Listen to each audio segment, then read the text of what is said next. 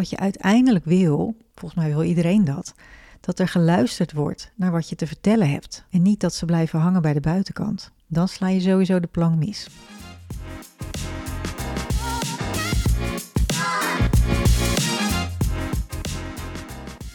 Welkom bij de podcast Wat trek je aan? De personal branding podcast waarin ik, stelstratege Sascha Bertus, je elke week een spiegel voorhoud. Je kunt de titel van deze podcast heel letterlijk nemen, want kleding is de strategische tool waar ik heel graag mee werk, maar er is meer. In deze podcast neem ik je mee in de geheimen van een succesvolle uitstraling. Ben je klaar om aan te trekken wat je verdient? Dan gaan we nu beginnen.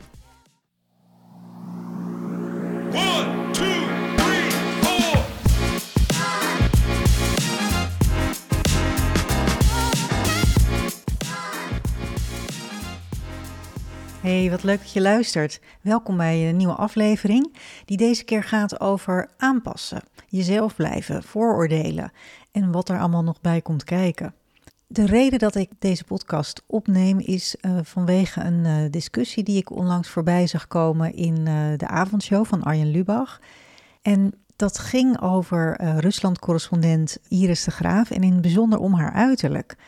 En zij vertelde dat uh, vanuit haar vorige functie als YouTube-presentator voor jongeren de stap maakte naar de NOS om daar als serieuze correspondent aan de slag te gaan. En omdat ze niet helemaal in het plaatje paste met haar opvallende verschijning, kreeg ze het advies om haar lange haren, haar lange blonde haren af te knippen en vooral die roze blazer in de kast te laten. En waarom gaven ze dat advies?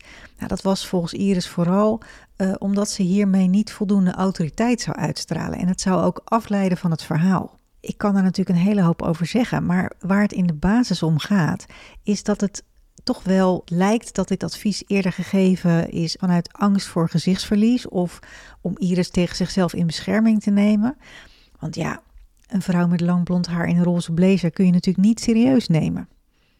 Ik had dan geen lang blond haar, maar ik heb wel heel vaak in een roze blazer uh, ergens gestaan. En ik kan me ook nog herinneren dat ik op een netwerkevent stond met vooral heel veel uh, grijze witte mannen. En ik herinner me nog zo dat een man met wie ik een gesprek wilde aanknopen, echt van boven tot beneden even zo'n scan maakte. En hij zag die roze blazer en hij had echt zo, je zag in ieder geval op zijn gezicht echt zo van, nou, dit gaat hem niet worden hoor, hier ga ik echt geen, geen serieus gesprek mee voeren ja, puur vanuit uh, vooroordelen van, van wat ben je gewend, hè? in welke spiegel uh, wil je kijken.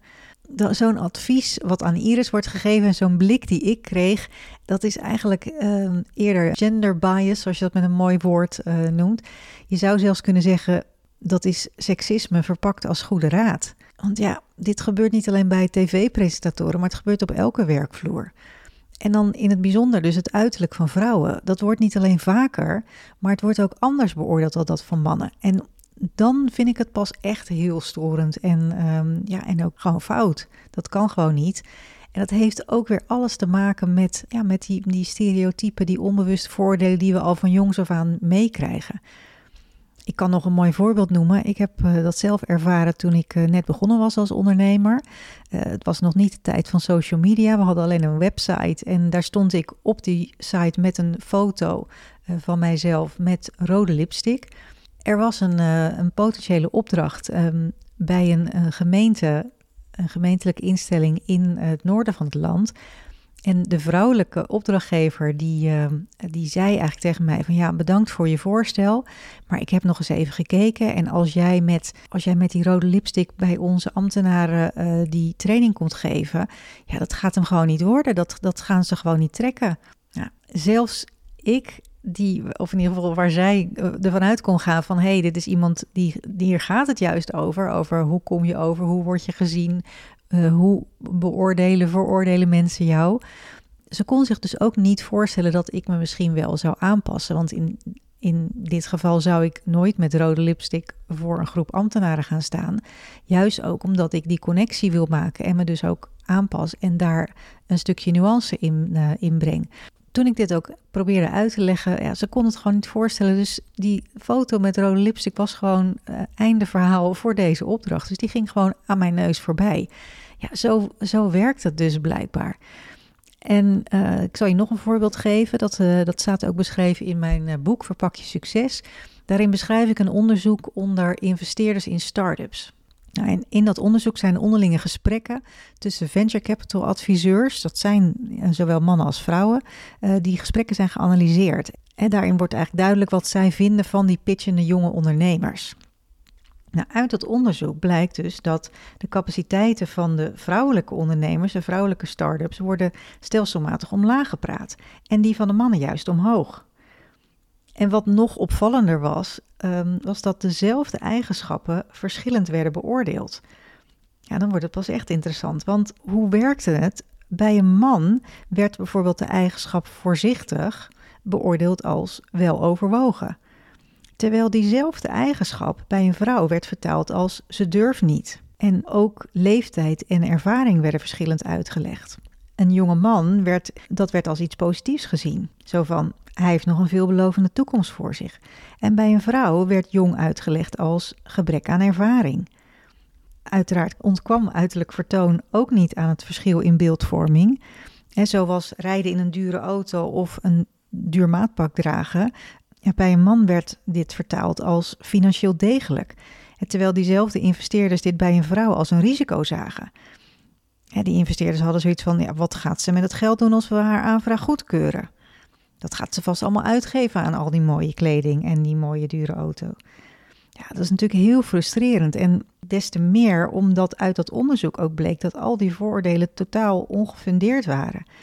En zowel qua risicobereikheid als uh, prestatie vonden de onderzoekers geen significante verschillen tussen de beoordeelde bedrijven of deze nu door een man of een vrouw werden geleid. Waarom vertel ik je dit? Ik denk dat je mijn frustratie ook al een beetje tussen de regels door hoort. Uh, maar ik, ik vertel het je vooral ook om je bewustwording aan te wakkeren. Want het zal nog heel lang duren voordat alle vooroordelen en stereotypen verdwenen zijn. Ze blijven bestaan, zolang er sprake is van minderheden. En naast gender, waar ik het hier vooral over heb, kan het ook gaan over etniciteit of over leeftijd. Ja, belangrijker is, is dat je gewoon zelf leert hoe je ermee om kunt gaan. En die echte oplossing, die komt wat mij betreft niet van buitenaf, maar van binnenuit. En maak vrouwen en ook mannen er zelf bewust van. Het door er zelf al uh, bewust van te zijn en zelf te leren wat past in de context en bij de functie of de organisatie, ja, ga je er ook beter mee om en uh, leer je ook meer van hoe je die aansluiting wel vindt en hoe je die ja, onbewuste vooroordelen bij de ander eigenlijk voorkomt. Die aanpassing, ja, dat is natuurlijk iets wat je wel binnen de bandbreedte van je eigen stijl en persoonlijkheid uh, moet doen. En je wil wegblijven bij uh, vooroordelen en goed bedoelde adviezen, um, maar je wil natuurlijk wel je eigen persoonlijkheid en uh, je eigen stijl ook uit kunnen dragen. In die zin hebben we het inderdaad over aanpassen of jezelf blijven. Nou, ik vind, je moet vooral jezelf kunnen zijn, vind ik soms ook een beetje een dooddoener. Dan denk ja, aanpassen is gewoon nodig soms. Pas je aan aan de, wat ik al vaker zeg, aan de situatie, aan de persoon die je gaat ontmoeten, aan het doel wat je hebt. En als je dat op die manier doet, dan wordt het uiterlijk, uh, je appearance, wordt ook een strategische communicatietool. En dan wordt aanpassen niet iets wat, wat voor jezelf echt een, een, een lastig ding is, maar dan wordt het strategisch kiezen. Of zoals een klant het heel mooi uh, tegen mij zei uh, laatst, ja, dan is het eigenlijk geen aanpassen, maar het is toepassen. En dat maakt het ook veel leuker en interessanter, want dan ga je het ook echt als een uh, strategie, als een methodiek zien. En dat was ook zo mooi in de reactie van, van Iris de Graaf. Want die zei ook tijdens die uh, uitzending van, uh, van de avondshow: zegt ja, ik wist op dat moment gewoon zeker dat ik ook op mijn eigen manier die autoriteit kan uitstralen. En hoe mooi is het dan als we verschillende uh, manieren van, in dit geval autoriteit uitstralen kunnen laten zien? Want dat ziet er niet altijd hetzelfde uit, omdat juist ook die verschillen in persoon zo, zo duidelijk moeten zijn en kunnen zijn. Maar wat ik je wel wil meegeven, is dat wat je uiteindelijk wil, volgens mij wil iedereen dat, dat er geluisterd wordt naar wat je te vertellen hebt. En niet dat ze blijven hangen bij de buitenkant. Dan sla je sowieso de plank mis.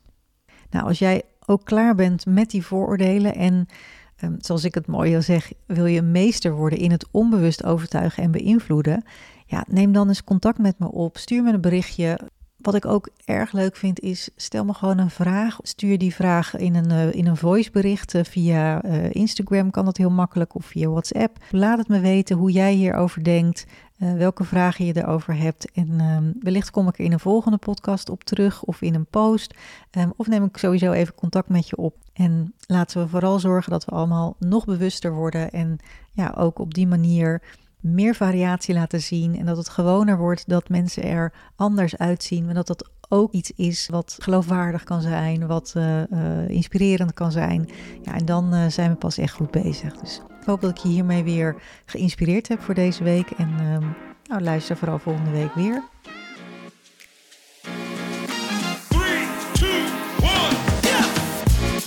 Luisteren naar de podcast Wat trek je aan? Heel fijn dat je er was en ontzettend veel dank voor het luisteren. Wil je nou geen aflevering missen? Klik dan op de volgbutton in je podcast-app. En heb je een vraag of wil je dat ik met je meedenk over jouw appearance?